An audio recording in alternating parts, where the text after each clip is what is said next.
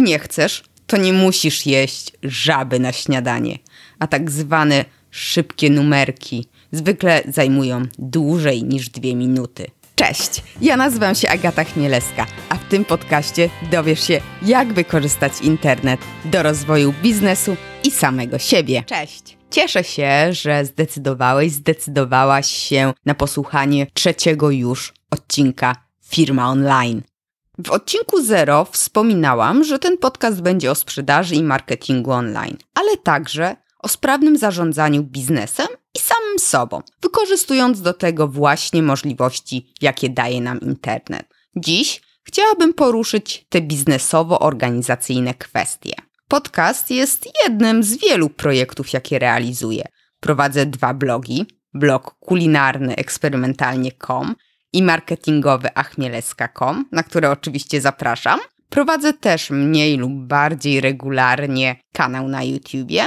Mało tego, wciąż się dokształcam. Tak, nauka to też jest projekt, a nawet więcej projektów. No i mam kilku klientów jednocześnie. Ogarnięcie tylu projektów nie jest prostym zadaniem. Dlatego pomyślałam, że warto pokazać, jak ja to ogarniam, to znaczy jak zarządzam wieloma projektami i się w tym wszystkim odnajduję. Jeśli jeszcze nie odnalazłaś lub nie odnalazłeś swojego sposobu na organizację pracy przy wielu projektach, to mam nadzieję, że mój sposób Ci w tym pomoże. Sama przez wiele lat szukałam tego najlepszego sposobu. Zresztą wciąż go udoskonalam i dostosowuję do obecnej sytuacji zawodowej i życiowej. Warto pamiętać, że nie tylko w pracy czy w szkole mamy projekty. Życie osobiste to także jest mieszanka projektów złożonych z wielu zadań, które musimy wykonać dzisiaj, jutro lub kiedyś. Ten odcinek podcastu Firma Online może być bardzo pomocny praktycznie każdemu, a patrząc tylko od strony zawodowej, to szczególnie freelancerom lub osobom pracującym z wieloma klientami naraz, na przykład w agencjach marketingowych czy interaktywnych. Do zrobienia porządku w moich projektach i odnalezieniu swojego sposobu zarządzania nimi zmusiło mnie, hmm, co tutaj dużo mówić, życie a tak całkiem poważnie, zawsze miałam bałagan w zadaniach. Pomieszane, nieaktualne, nierealne. Wszystkie razem, a nawet osobno lub powielone, bo korzystałam oczywiście z kilku narzędzi do zarządzania projektami.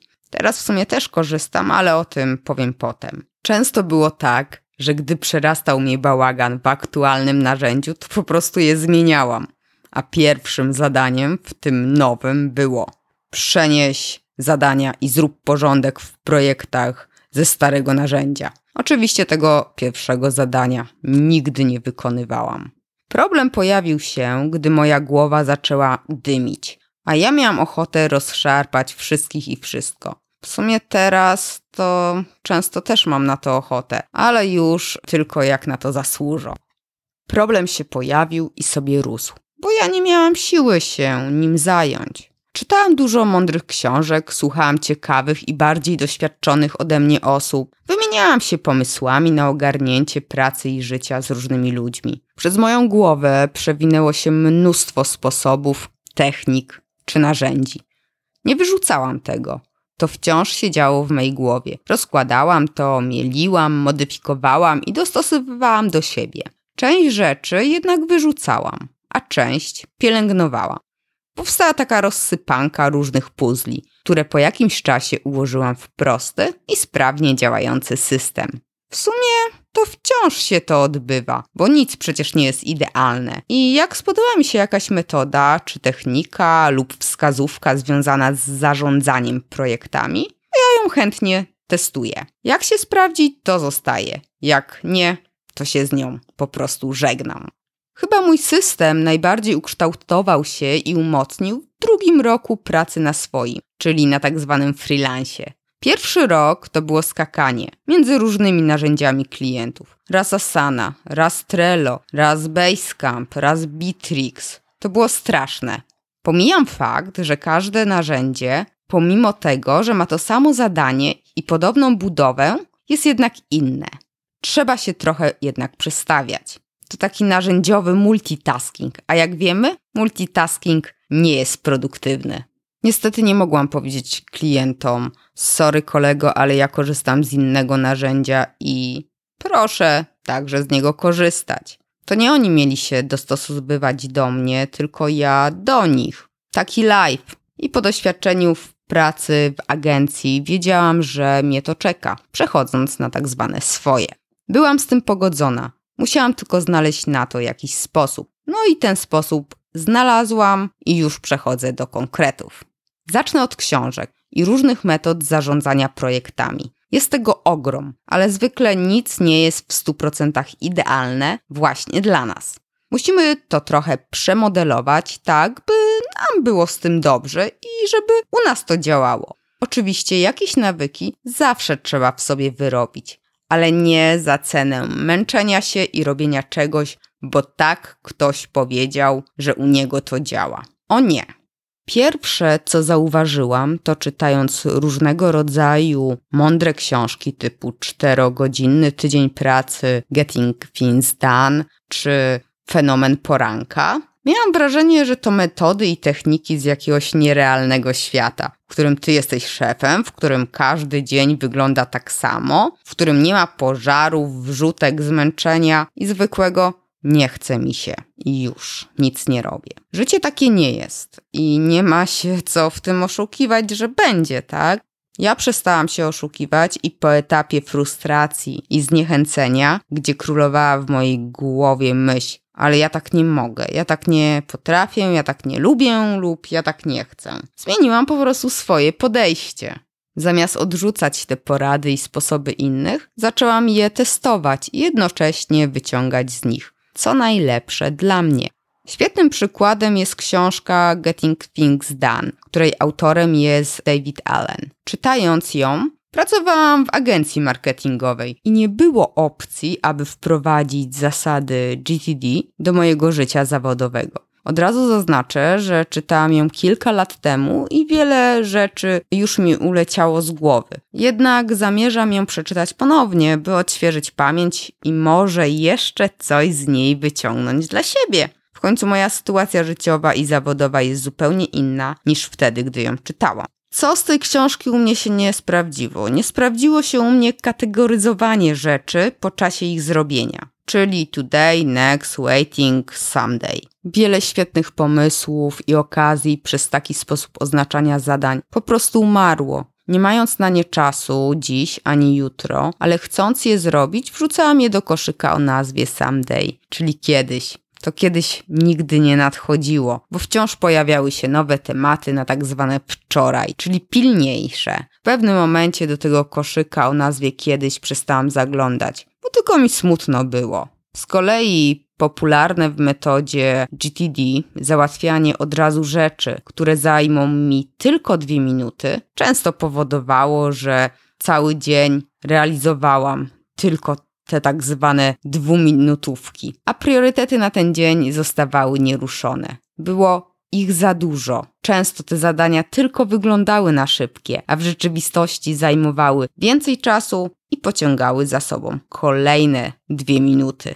Rezygnując z tego sposobu oznaczania projektów i zadań oraz robienia dwuminutówek, od razu można powiedzieć, że odrzuciłam tę metodę, bo na tym ona głównie się opiera.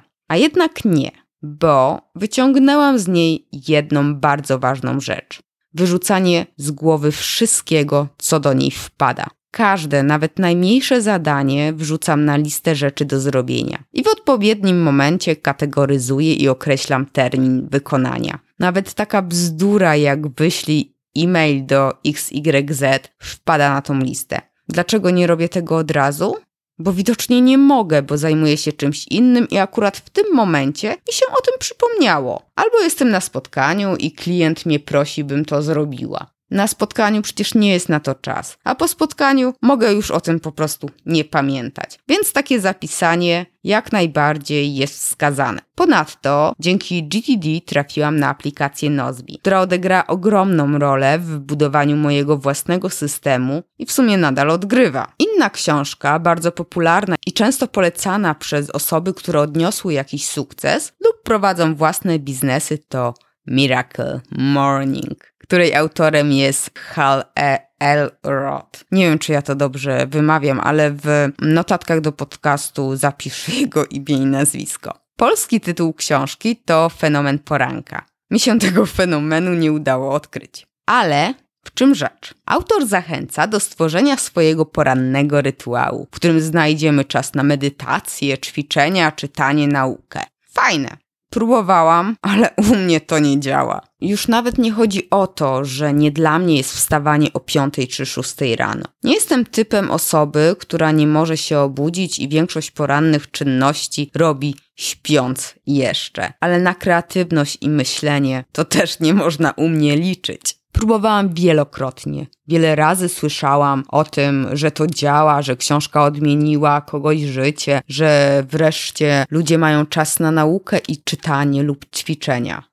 Tylko pozazdrościć. Mimo, że mi nie jest dany podany w książce sposób na fenomenalny poranek, to coś tam dla siebie wzięłam. Też stworzyłam swój poranny rytuał, który u mnie działa i nie frustruję się już, że każdego dnia przekładam ten fenomenalny poranek na jutro. Mój poranny rytuał jest dostosowany do moich porannych możliwości umysłowych i fizycznych. Nie ma tam nie wiadomo ilu rzeczy, nie ma tam czytania lub ćwiczeń, ale są rzeczy, które są proste, ale które chcę lub muszę zrobić, a o nich często zapominam, albo co gorsza, siedzą w mojej głowie przez cały dzień i nie mogłam na nie znaleźć czasu. To takie błahostki, jak smarowanie balsamu w ciało czy posprzątanie w kociej kuwecie. Bzdety, prawda? Ale i moje ciało jest zadowolone i kot się cieszy, że jego tron jest czyściutki. A ja jestem zadowolona, że wreszcie robię to regularnie i nie muszę o tym pamiętać, bo już to odhaczyłam.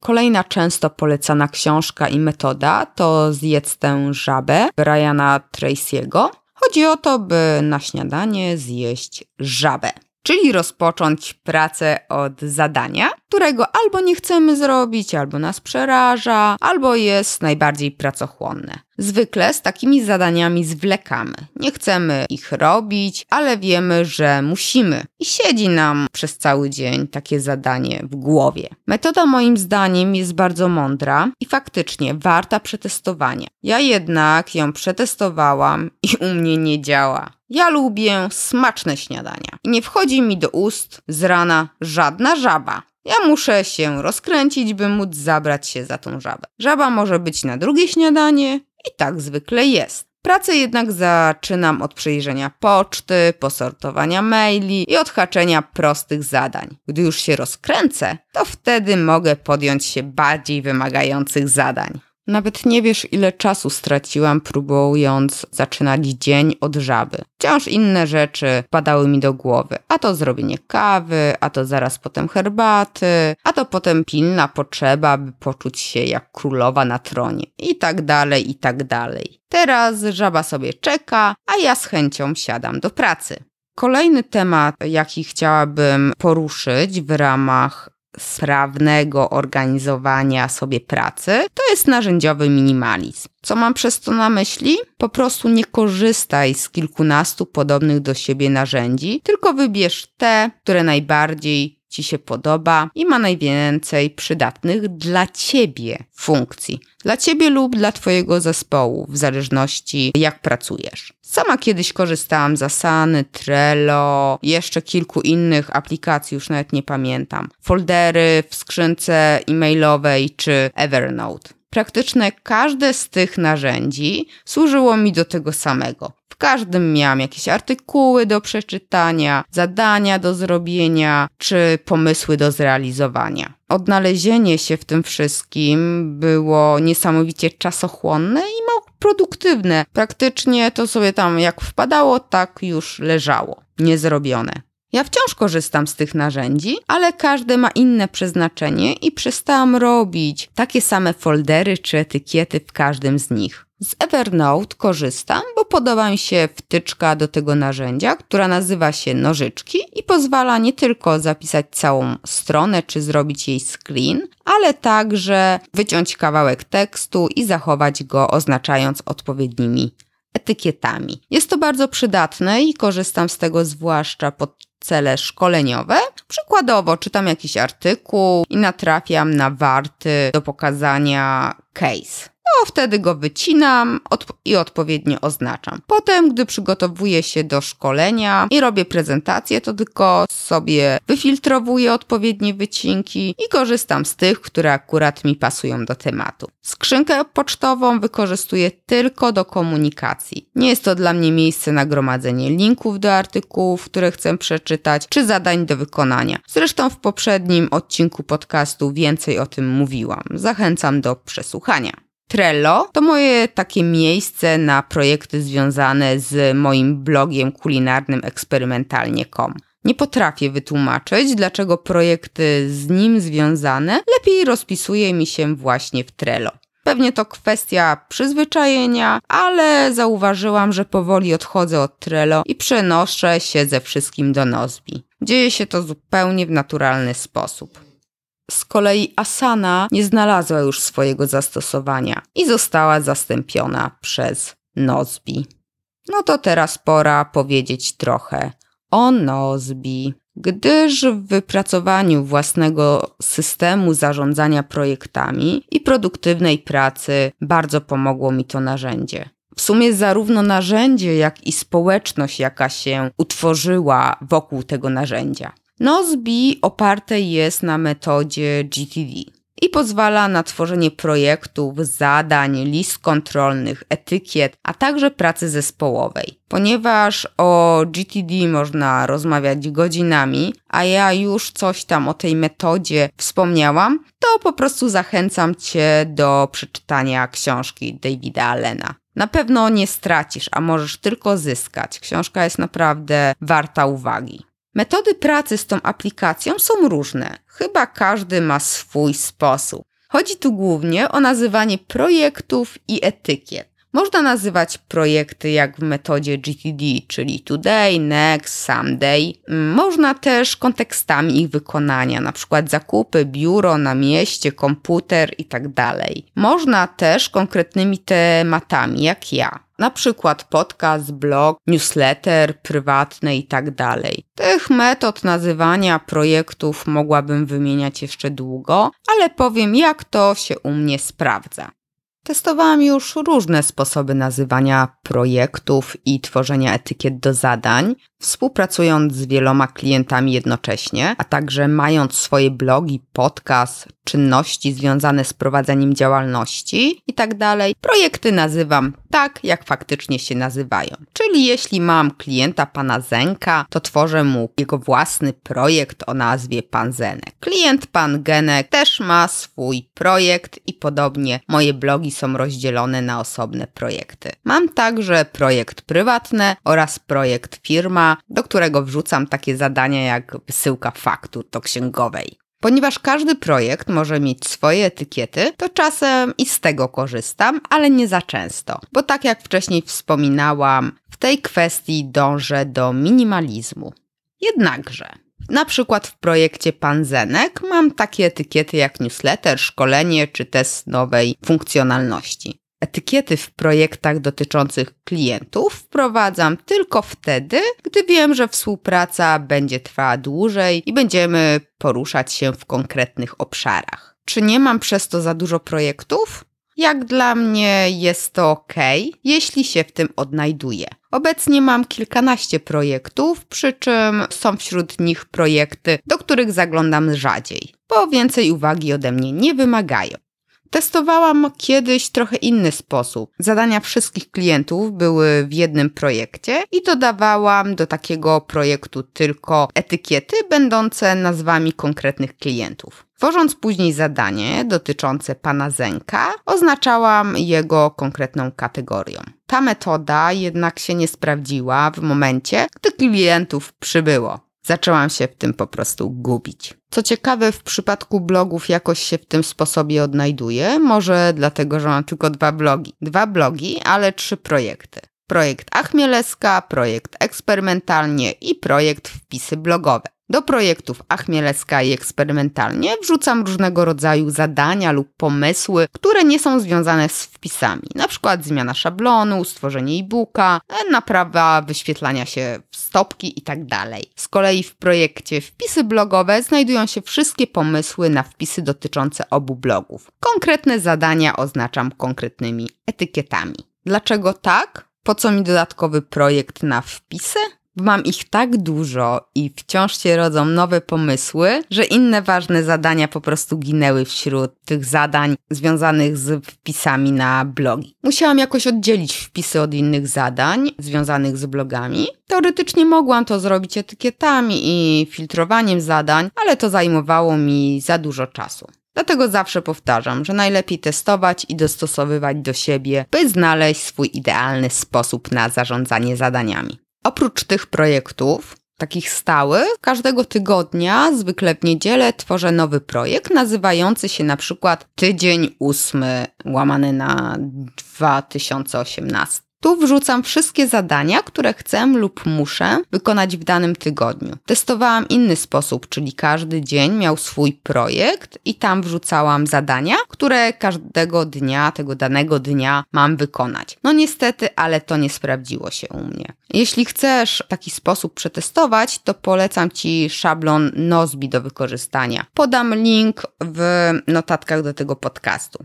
Bardzo nie lubię zmuszać się po prostu do czegoś, y, czego nie chcę akurat tego dnia robić. Bo nie mam weny, bo nie mam nastroju, bo pojawiły się inne priorytety tego dnia. Planując zadania na konkretny dzień z takim większym wyprzedzeniem, często tych zadań po prostu nie wykonywałam, bo nie wystarczało mi czasu. Nie starczało czasu nie dlatego, że za dużo zadań planowałam, choć w sumie z tym też mam problem, ale głównie dlatego, że na przykład jeden z klientów potrzebował coś na szybko, zadzwonił potencjalny klient, musiałam wyjść z kotem na manikir do weterynarza, o czym wcześniej zupełnie zapomniałam i w konsekwencji moje priorytety, zwłaszcza te niezwiązane z klientami czekały na lepsze czasy i tygodniami były przekładane. Planując tylko tydzień, a nie konkretny dzień, też to się czasem dzieje. Ale jeśli zbyt długo przekładam jakieś zadanie, to oznacza to tylko to, że nie jest ono tak istotne, jak mi się wydawało, i mogę je usunąć lub wrzucić do projektu o nazwie Może kiedyś. Jak wygląda to w praktyce?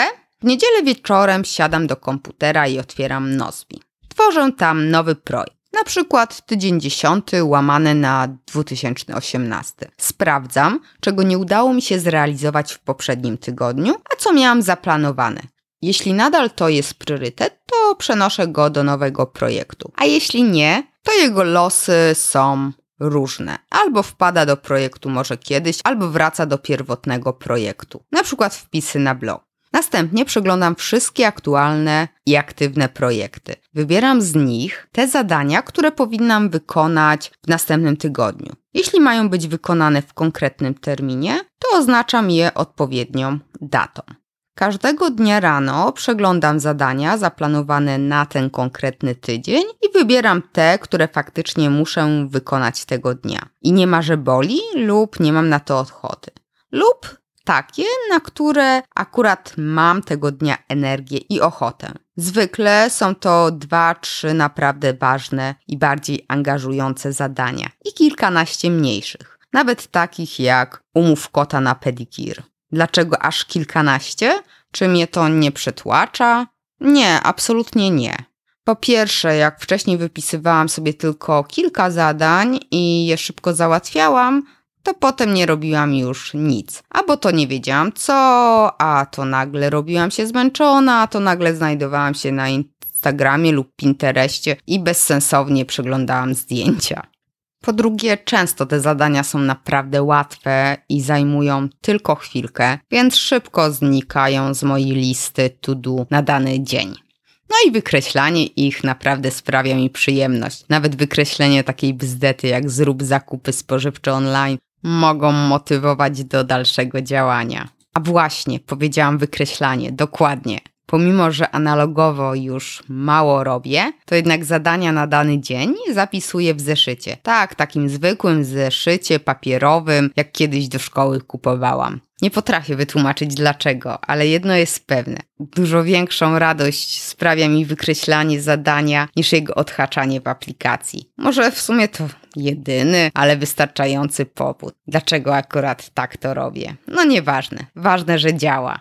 W Nozbi możemy oznaczać zadania, które są naszymi priorytetami. Klikamy taką gwiazdkę i to zadanie wpada do projektu priorytet. Ja jednak mam dodatkową kategorię na naprawdę priorytetowe zadania. Są to trzy wykrzykniki. Po co mam taką kategorię? Ano po to, by nie przegapić tych zadań. Do priorytetów, do tego projektu, priorytety, wpadają też zadania powtarzane cyklicznie. Na przykład u mnie wrzuć post na fanpage. Jeśli danego dnia pojawi się za dużo takich cyklicznych zadań, to ten faktyczny priorytet może zniknąć pośród zadań, które nie są już aż tak ważne. Jak nie wrzucę posta na fanpage, to świat się raczej nie zawali, ale jeśli nie stworzę newslettera dla klienta, to już może się tak zdarzyć.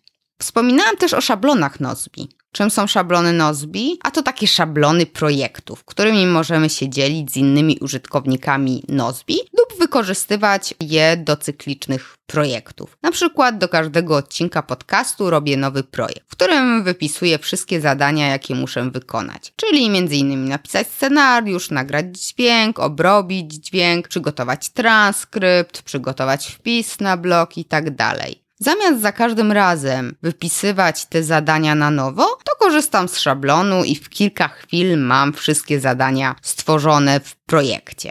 Przed chwilą wspomniałam, że swoimi szablonami Nozbi dzielą się też inni użytkownicy tej aplikacji. Link do szablonów podam w notatkach do tego odcinka podcastu. Ja sama też stworzyłam kilka szablonów publicznych, ba, nawet wygrałam raz w konkursie związanym z tymi szablonami. Moje szablony też podlinkuję oczywiście. Szablony, takie szablony Nozbi, po zaimportowaniu do aplikacji można dowolnie modyfikować. Ja od czasu do czasu przeglądam sobie, jakie nowe szablony publiczne się pojawiły, bo może coś ciekawego i przydatnego dla siebie znajdę. W odcinku drugim podcastu Firma Online wspominałam także o wysyłaniu zadań do Nozbi mailem.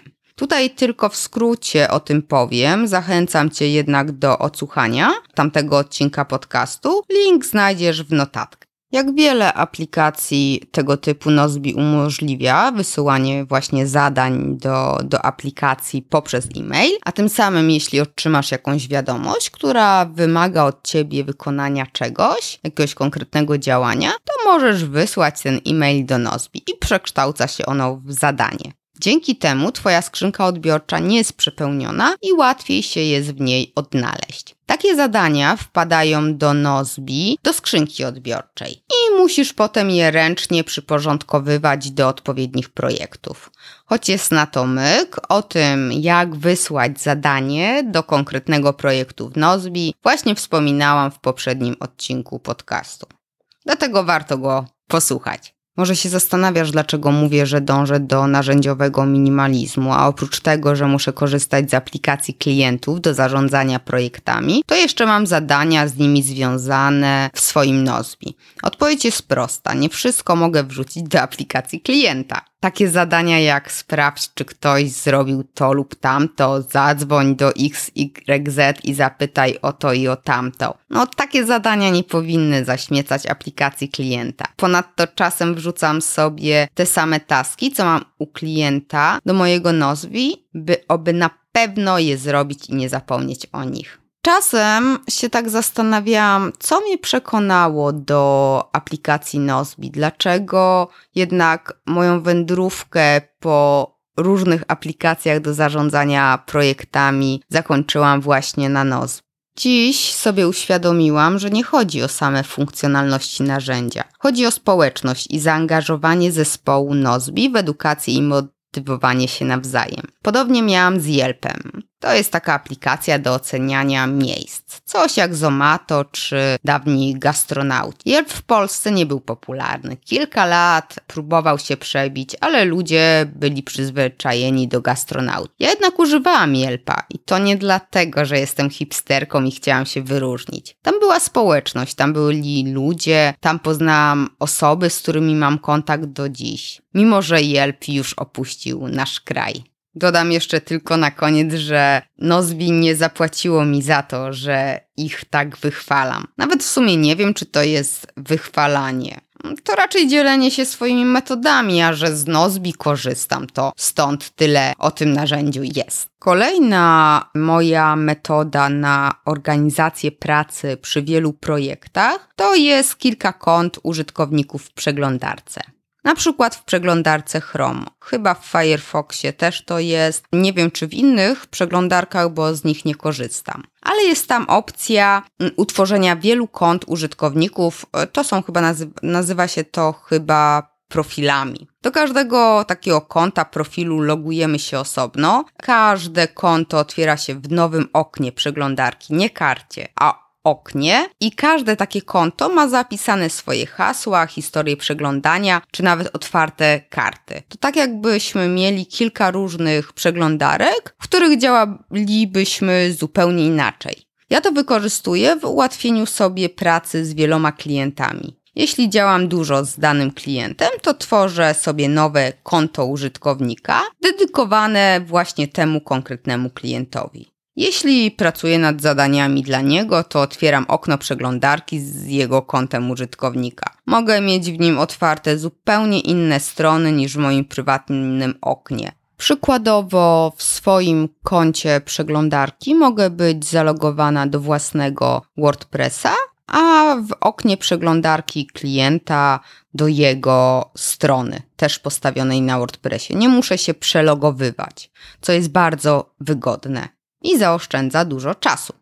Ostatni temat, jaki chcę poruszyć przy organizacji pracy, przy wielu projektach, to są serwisy społecznościowe, czyli social media, które jak wiemy nie sprzyjają produktywności. Z każdej strony nas atakują jakieś posty, zdjęcia, ciekawe dyskusje, w których chcemy wziąć udział. Pół biedy, jeśli mamy konto tylko na Facebooku. Gorzej natomiast, jeśli tak jak ja, jesteśmy w kilku serwisach społecznościowych, w dodatku zarówno prywatnie, jak i jako nasza marka.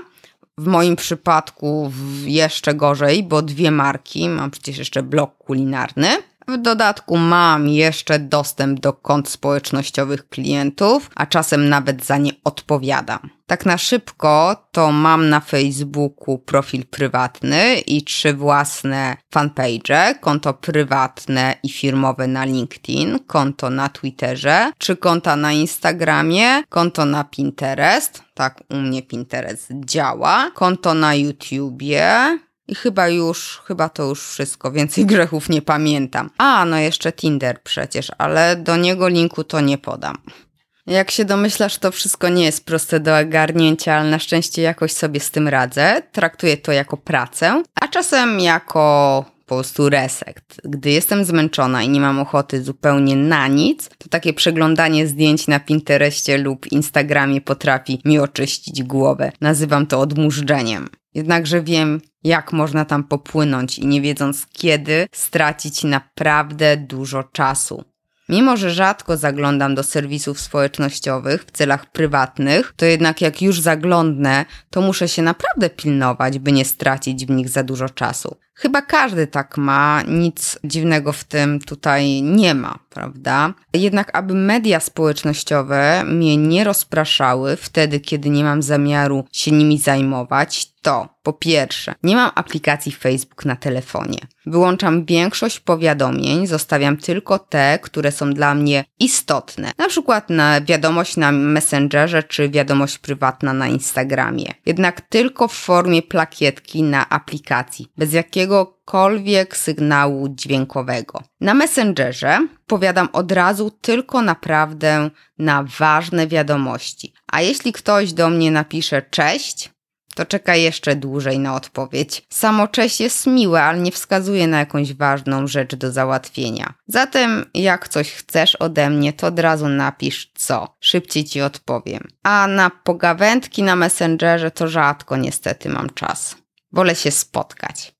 Ponadto aktywnie udzielam się tylko w kilku grupach na Facebooku oraz na LinkedInie, nie, nie w wielu, więc też nie mam powiadomień z tych grup. Polecam dodatkowo wtyczkę do przeglądarki. Ona nazywa się Kill Newsfeed, to jest wtyczka do przeglądarki Chrome, która wyłącza aktualności od znajomych i obserwowanych stron. Niestety nie wyłącza dostępu do grup i wiadomości. To dalej jest.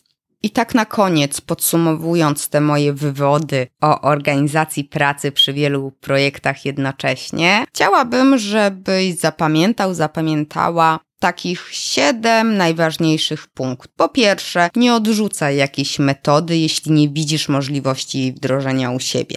Zobacz, czy może jakieś jej elementy i u ciebie się sprawdzą.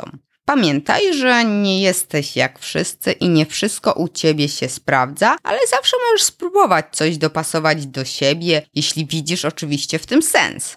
Uważaj na te słynne dwuminutówki, czyli zadania, które nie zajmą ci więcej niż dwie minuty. Często tylko nam się wydaje, że zajmą nam tylko dwie lub dobra, pięć minut, a w rzeczywistości zajmują dużo więcej. Ponadto mogą cię wybić z pracy, którą właśnie wykonujesz i już do niej nie wrócisz, a potem będziesz musiał przypominać sobie na jakim etapie przerwałeś, marnując tylko cenne minuty. Jeśli taka drobnostka do zrobienia wpadnie ci nagle do głowy, to ją zapisz i jeśli wykonujesz inne zadanie, to nie przerywaj go. Po trzecie, wyrzucaj z głowy i zapisuj najmniejsze zadania i najbardziej błahe lub oczywiste. Nie mówię tu o myciu zębów po posiłku, tak? Ale o telefonie do wykonania, mailu do wysłania, sprawdzeniu czy wpłynął przelew, zainstalowaniu aplikacji, którą ci polecono. Dodatkowo, szacując czas na jakieś zadanie lub planując dzień, pamiętaj, że zawsze wpadną jakieś nagłe zadania do wykonania, ktoś zadzwoni, coś się zepsuje, albo spotkanie potrwa dłużej. Nie wypełniaj dnia co do minuty. Próbuj także stworzyć swój prywatny rytuał, który nawet jeśli będzie składał się z takich czynności jak pościelenie łóżka czy wypicie kawy. Brzmi absurdalnie, ja wiem. Ale nawet takie rzeczy wykonywane regularnie i załatwione wprawiają w lepszy nastrój i dają poczucie, że jest się obowiązkowym, systematycznym i bardziej zmotywowanym do dalszych działań. Proszę też, nie biczuj się, że u większości ludzi coś działa, a u ciebie nie, mimo wielu prób i podejść. Jak nie działa, to nie. U ciebie może działać coś innego i stosuj to, jeśli dzięki temu jesteś bardziej produktywny, zadowolony, a robota jest zrobiona. No i ostatnie, wyłącz powiadomienia informujące o każdym lajku lub komentarzu na Facebooku. Jeśli nie prowadzisz profilu, gdzie szybkość reakcji jest naprawdę ważna, to nic się nie stanie, jeśli nie odpowiesz od razu. To chyba tyle na dziś. Mam nadzieję, że wyciągniesz coś dla siebie z mojego systemu organizacji pracy przy wielu projektach. Niektóre rzeczy, o których powiedziałam, są oczywiste, niektóre może wydają się absurdalne albo wbrew temu, co wszyscy inni mówią. U mnie się to po prostu sprawdza i chciałam się tym podzielić, bo być może tak samo jak w moim przypadku, to, że coś działa u większości ludzi, niekoniecznie zadziała u ciebie. Jak na przykład to jedzenie żaby na śniadanie, prawda? Daj proszę znać, jakie ty masz sposoby i metody, chętnie o nich usłyszę. I może jeszcze bardziej udoskonalę swój system. Jeśli spodobały Ci się moje wskazówki i porady, to proszę podziel się tym podcastem z innymi, udostępniając go w Twoich profilach społecznościowych. Pomożesz nie tylko innym, ale także mi docierając z moim podcastem do szerszego grona odbiorców. Zapraszam Cię także na moje blogi achmieleska.com i eksperymentalnie.com. Będę Ci także bardzo wdzięczna za ocenę mojego podcastu w iTunes. Dotyczy to nie tylko użytkowników Apple'a, ale także Windowsa i Androida. Zależy mi na ocenie właśnie tam, dlatego że to pozwoli mi dotrzeć z podcastem do większego grona odbiorców i będę miała większą motywację nagrywać więcej. Zapraszam Cię też na kolejny odcinek, w którym będę rozmawiała z innym podcasterem, którego słucham już od jakiegoś czasu i który, jak się okazało, jest moim no prawie sąsiadem. Bardzo się cieszę, że Radek z podcastu Lepiej Teraz zgodził się ze mną porozmawiać, bo poruszymy dla mnie bardzo ważny temat i myślę, że dla wielu osób, ale na razie nie będę nic więcej zdradzać. Podobno kobieta powinna być tajemnicza, więc ja też będę tajemnicza trochę, ale ty możesz zasubskrybować podcast Firma Online, żeby nie przegapić kolejnego odcinka, a także zapisać się na newsletter. Link do zapisu na newsletter w notatkach oczywiście. Cześć i czołem i do usłyszenia następnym razem. Pa! Dziękuję Ci za wysłuchanie tego odcinka podcastu. W notatkach znajdziesz linki do stron, książek czy narzędzi, o których wspominałam. Zapraszam Cię także na mój blog achmieleska.com łamane na blog. Jeśli uważasz, że ten podcast może być pomocny także innym osobom, poinformuj ich o nim, a także zostaw opinię na iTunes. Niech konwersja i uśmiech będą z Tobą.